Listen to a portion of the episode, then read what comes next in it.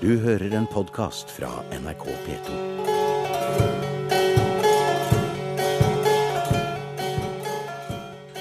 Når konservator Ole Åsta Bråten spiller denne lotten på Langeleiken, så utøver han såkalt immateriell kulturarv. Museum besøker i dag Valdres Folkemuseum på Fagernes. Der legges det stor vekt på å ta vare på levende tradisjon, enten det er spill på langeleik, tradisjonssang, fortellerkunst og dans, eller det å videreføre kunnskap om bygging og restaurasjon av folkemusikkinstrumenter. Valdresmuseet er berømmet eh, for dette arbeidet. Reichführer og SS-kommandant Heinrich Himmler, var han med dette å gjøre? Det får du høre mer om senere i programmet, men først noen takter til med langeleik, et instrument som har overlevd i Valdres.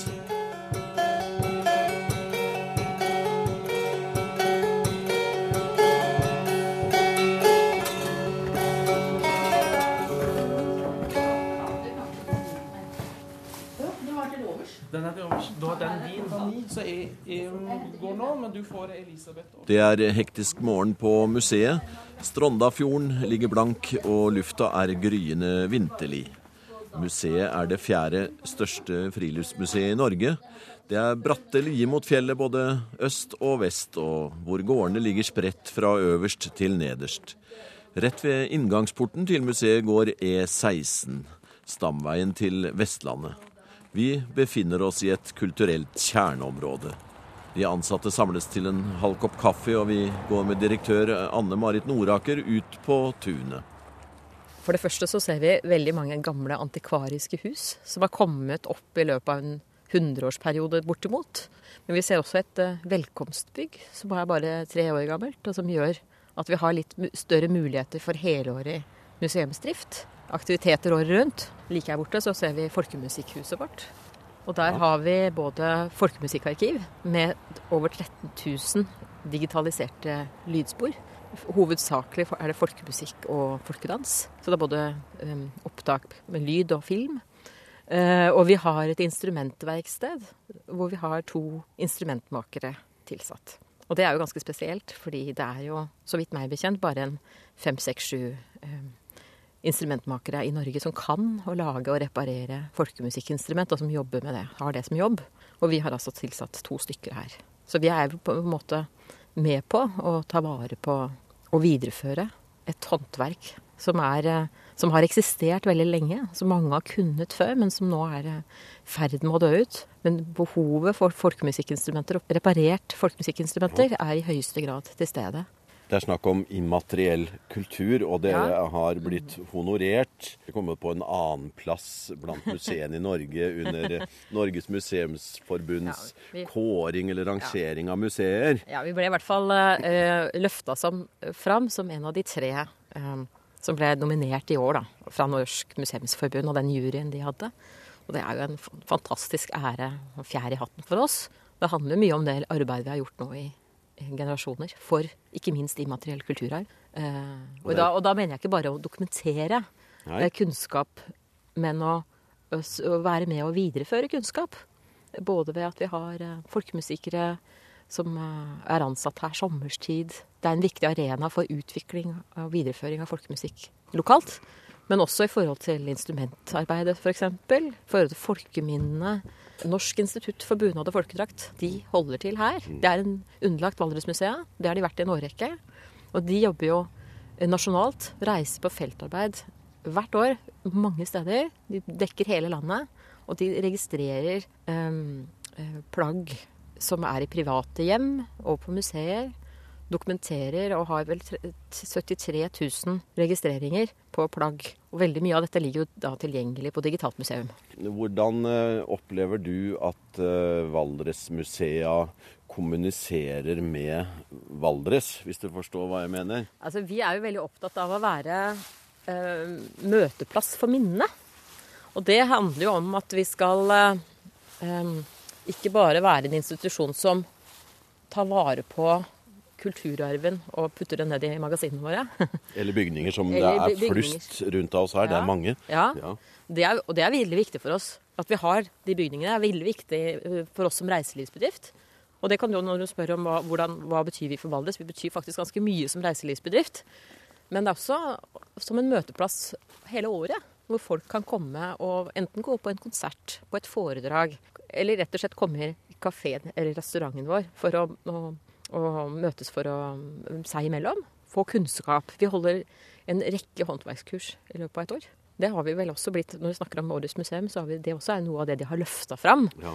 Og ble, vi har blitt lagt merke til for alle de håndverkskursene vi har hatt. Og det er selvfølgelig denne utstillinga folkemusikk og nasjonalisme er også noe som har, vi har blitt spesielt lagt merke til for i år, da. Og den utstillinga skal vi komme tilbake til litt senere. Først skal vi inn i det rikholdige musikkarkivet på Valdres Folkemuseum. Folkemusikkarkivar Elisabeth Kverne digitaliserer og arkiverer opptak som er gjort på alle mulige slags formater. På forskjellige typer spolebånd og ikke minst kassetter. Materiale som folk donerer til museet. Det er uh, Bolstad i en ganske avslappa stil. Eh, Med en uh, masurka.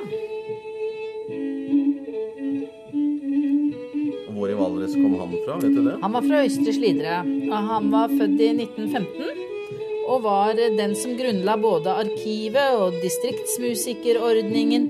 Han jobbet på museet her i mange år og ble en mentor og læremester for en hel generasjon.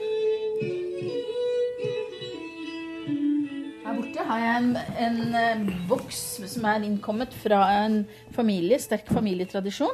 Og her eh, kan man jo bare håpe da når man begynner å sortere at det er en del informasjon med. Og Dette er nok fra 50-tallet. Får du et voldsomt detektivarbeid da, for Ja, å finne det- ut og kategorisere og i det hele tatt? Det hender det at du har både ulik spor, sporvidde og ulike hastigheter på samme bandet. Og her har jeg følgende å gå etter. Det er forskjellig på dette bandet. Det var fra Amerika, men kunne kanskje brukes. Og så er det da noe det er unnskyldende her om at jeg spilte over noe fra kringkastingen, da. Men disse private opptakene, dette at Spellemannslag og enkeltpersoner begynte å gjøre opptak, det skjedde etter krigen, og gjerne fra begynnelsen av 50-tallet og framover. Nå er det jo en, en levende tradisjon, folkemusikktradisjonen i, i Valdres. Eh, I hvilken grad bruker dagens utøvere, unge mennesker, arkivet her for å finne ting som de er interessert i? Skjer det? Ja, da, det skjer hele tida. Det er den viktigste oppgaven, mener jeg. Altså, det er klart Vi skal konservere, vi skal ta vare på, vi skal drive etter privatarkivlov og, og sånne ting. Og vi skal være en del av et museum som har faglige retningslinjer der. Men eh, i tillegg eh, så er det, ikke, det er ikke så mange år dette arkivet har hørt til under museet. Det har vært folkemusikkmiljøet sjøl som har bygd opp og utvikla det. Og det er for dem det egentlig utgangspunktet er til. Dette verneaspektet kom inn eh, helt fra starten. Så var det vern gjennom bruk. Altså, det var ikke opptakene som skulle vernes primært, det var, det var musikken. Og det å samle dette her eh, Det var Tølleir Bolstad, veldig aktiv felespiller i Valdres, som hadde ideen sammen med, med andre kulturpersonligheter på slutten av 60-tallet, 66, og begynte å gjøre dette. Og det var eh, å samle opptak og gjøre opptak. Dokumentere samtida si. Og det er det vi må fortsette å gjøre, og det er det vi gjør. Nå gjør vi filmopptak fra festivaler og kappleiker. Vi gjør opptak av unger og, og for så vidt eldre. Men eh, det er jo hele tida kulturskolene som er brukergruppe. Det er enkeltutøvere, som sagt folk som går på utøverstudiet. Det er kolleger Tommy, forsk, som driver med forskning. Og så er det helt klart den alminnelige mann som kommer hit og finner ut at her er det opptak etter bestemor eller mor. Og så er det bare så rørende ofte.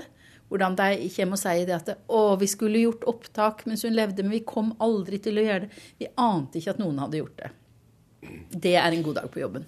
Eh, Valdres har jo et veldig sterkt eh, folkemusikkmiljø, som vi har vært inne på, og det er mange arter. Og dalen er jo lang.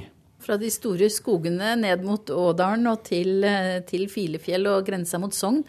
Ja, det er klart at Valdres er jo, Når det gjelder folkekultur, så blir det jo ofte, og, og særlig den levende, den levende immaterielle kulturen, altså fortelling, musikk, dans, humor, alt dette, så blir det jo ofte framstilt som, eller sammenlignet som om det skulle vært i et fylke.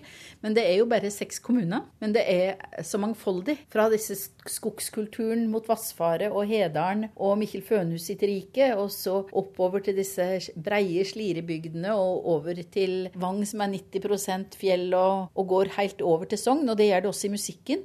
Vi har eh, en vanvittig stor mengde utforming av langeleiken. Det er liksom ikke bare én ting. Og vi har en vokalmusikk eh, med en dialekt som varierer fra itte til ikke, og fra ulike endinger. Og det er veldig, det er veldig store variasjoner, og det er lett eh, gjenkjennelig. Men det er klart, dette er noe av den prosessen som er i gang nå. Denne regionaliseringen av kulturen. Ikke sant? Vi er i ferd med å få en valdersdialekt, vi er i ferd med å få en eh, valdresmusikk hvor ungdommen shopper det de liker best. Så dette går i bølger. Nå er vi på vei vekk fra denne her, eh, jeg håper å si, kommunegrensestyrte identiteten og over til en mer eh, Valdres som identitet. Så det er jo slike prosesser en må følge med på, prøve å dokumentere og få med seg. For de er interessante i seg sjøl. Kommer det folk eh, langveisfra hit for å eh, finne noe? Ja, definitivt. Altså, amerikanere er jo flinke. Det var jo på 90-tallet f.eks. var det jo minst én felespiller fra Amerika på Fulbright-stipend som satt fast og jobba på arkivet. Ja, Ikke for arkivet, men på arkivet. Ja. Som vi måtte på en måte betjene, da. Og vi har jo brukere fra Japan og håper å si fra Oslo. Ja. Amerika, Japan og Oslo, ja. Det er morsomt. Museum er på Valdres Folkemuseum på Fagernes, og vi har besøkt Folkemusikkarkivet og arkivar Elisabeth Kverne. Museet har lagt stor vekt på den immaterielle kulturarven, altså de levende tradisjonene og håndbårne kunnskapen, og nettopp den håndbårne kunnskapen er det Knut Oppheimsbakken som står for.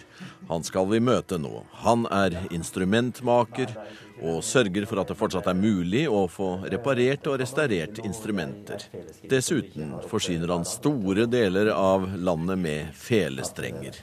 Men da, da skal jeg sende deg to slike stålstrenger, ja, så kan du mm. Ja.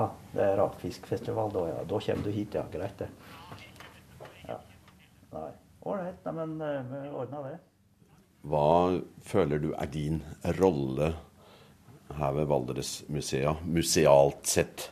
Ja, det, det å Et instrumentverksted for eh, musikkinstrumenter, det er jo Man kan jo spørre seg om det har noe på et museum å gjøre. Og det, det Jeg vil svare ja på det. For eh, du får noen uh, føringer da, ifra den museale verden nettopp i å, å arbeide nennsomt og, og uh, at du tar hensyn til at dette er gamle ting. Sjøl om folk ber om kanskje å få gjort den og den type arbeid på det. Og, og samtidig så er det med i museumskollegiet, uh, da, med andre ansatte. Og du er kanskje med på noen seminarer, og du leser litteratur her og får får denne her eh, vernetanken ganske sterkt inn. Og det, det syns jeg passer veldig godt for, eh, for meg og det arbeidet jeg driver med. Men så, så, gjør jeg også arbeid for museet, da, i varierende grad, men stadig vekk. Jeg kikker inn i magasinet og er sammen med konservatoren, så kan vi jo kikke på eh, ting vi bør gjøre av vedlikehold og, og forbedringer hvordan instrumentet har det i skuffen sin og sånne ting. At det ligger eh, stødig og godt bevart for eh, hundrevis av år framover. Konservering? Ja, det heter vel det, kanskje. ja.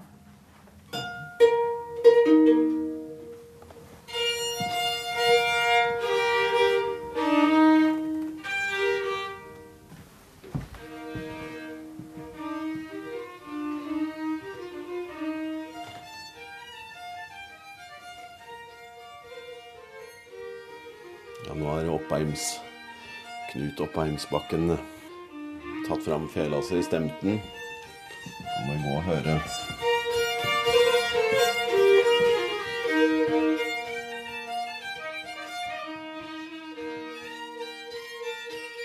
Hva var det vi hørte nå, da? Har du fått inn i, hos kollegaene inn i Folkemusikkarkivet. Ja, Det har jeg faktisk gjort. Det er en eh, liten springerstubb fra Vestre Slidre som heter ja, Lottenas Gullik på teigstole. Og det er jo en av disse her tidlige da, som spilte på slike gammeldagse hardingfelo. Vil det si at du hører også til uh, folkemusikkmiljøet her som, som, utøver, eller er det bare noe du gjør for deg selv? Ja, jeg er eh, hobbyspellemann, sånn som sitter foran kjøkkenbenken og spiller da, hjemme. Men eh, du må jo spille litt for å bli kjent med instrumentene du skal prøve å gjøre i stand, og, eller prøve det ferdige resultat. Og da, og da er det jo veldig fint å kunne stryke litt på fela. Absolutt. Må vi prøve å bygge noe nytt òg, da. Eller eh, ja. slike ting. Og... Men når du bygger nytt, eh, baserer du deg på den kunnskapen eh, du har fått gjennom behandlingen av gamle instrumenter som kommer hit til museet? Og har det vært mye instrumentproduksjon i Valdres av høy kvalitet på hardingfelefronten? Ja, det har det. Det er Det har jo vært veldig mange som har bygd sin egen hardingfjell gjennom tiden her.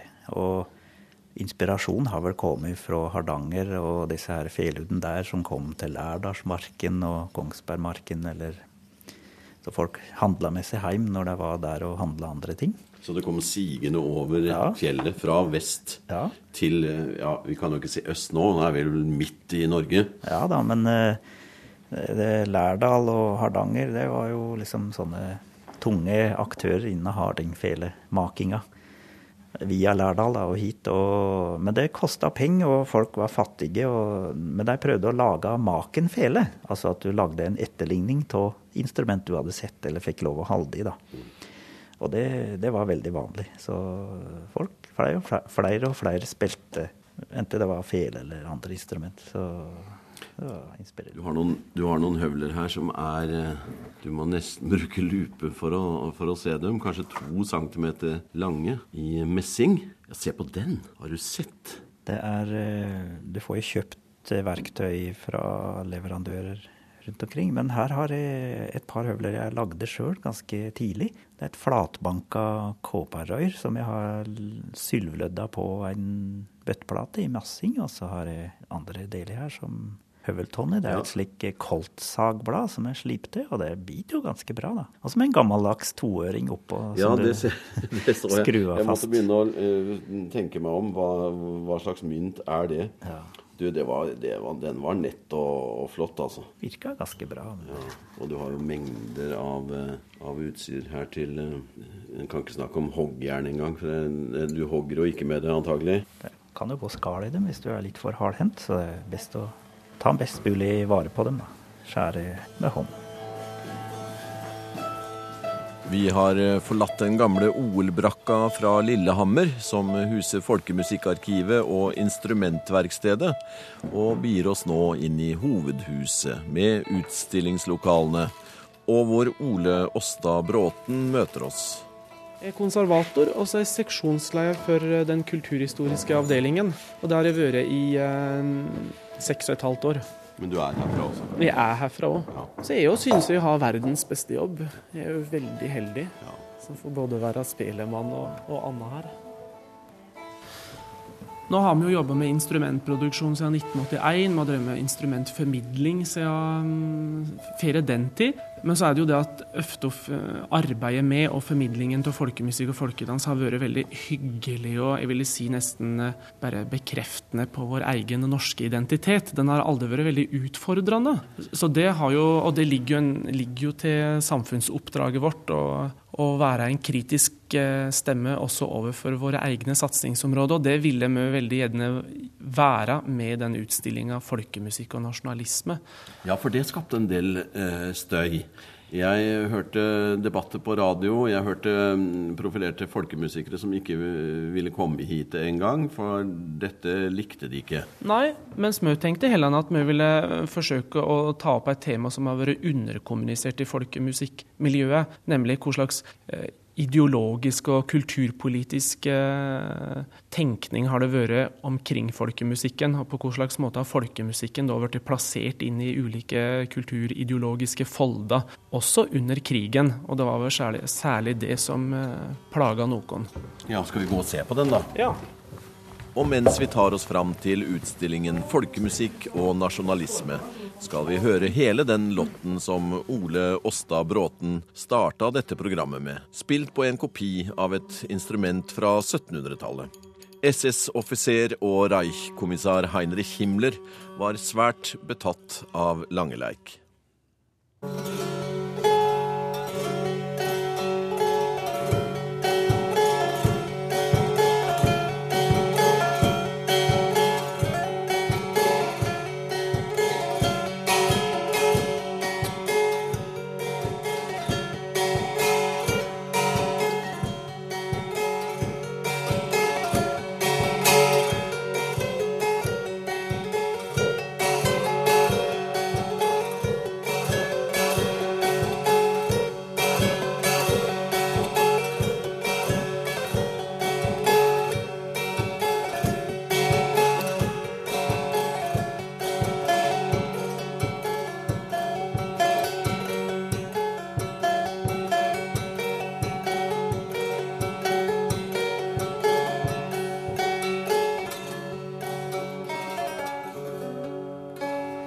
Helt riktig. Det er Heinrich Himmler som sitter andektig og hører på eh, langeleikspilleren Ola Brenno, som eh, jobba på Norsk Folkemuseum og underholdt for eh, de som kom innom. Og Heinrich Himmler han var jo, han var jo opptaken til norsk folkemusikk og norsk folkekultur, og ville da i 1941, da han var på norgesbesøk, bli bedre kjent med den.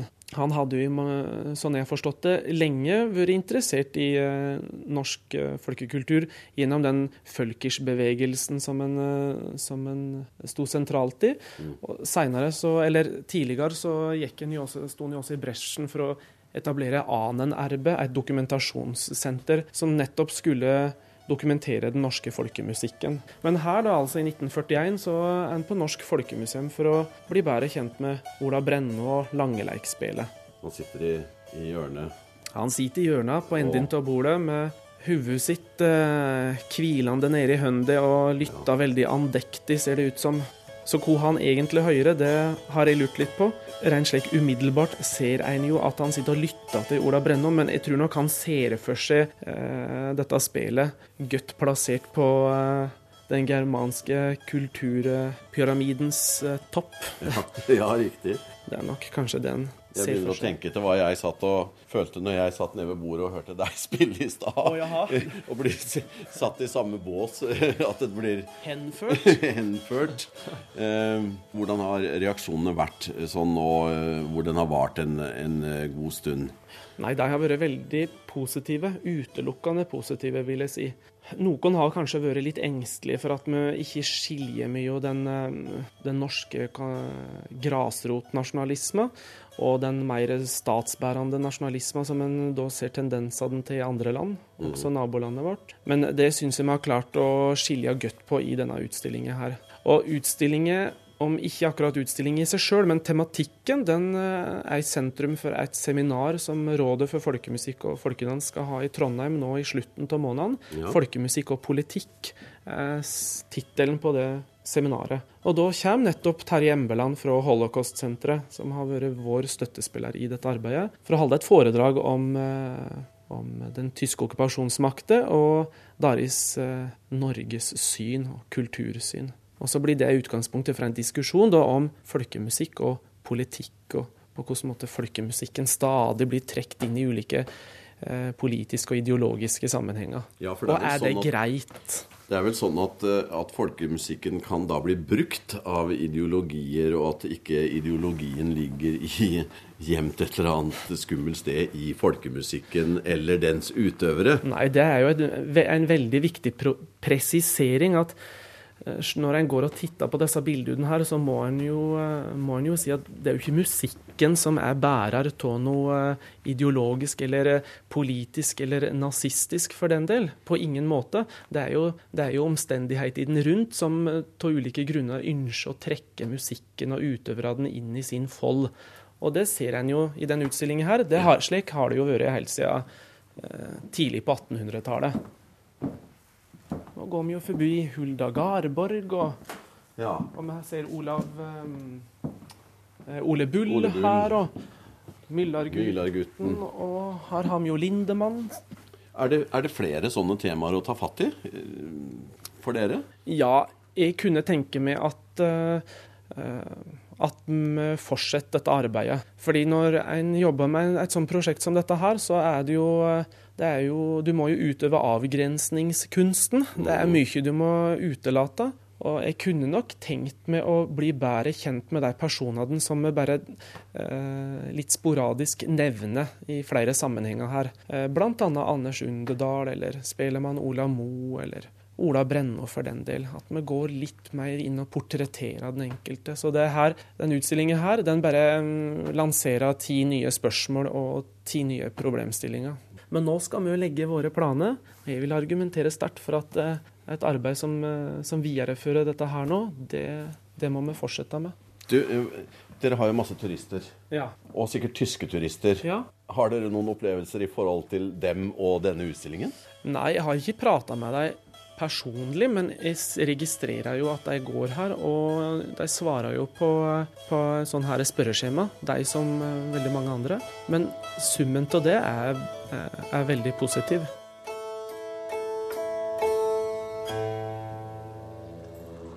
Du har nå hørt en podkast av programmet Museum fra NRK P2. Send gjerne en e-post til museum krøllalfa nrk.no.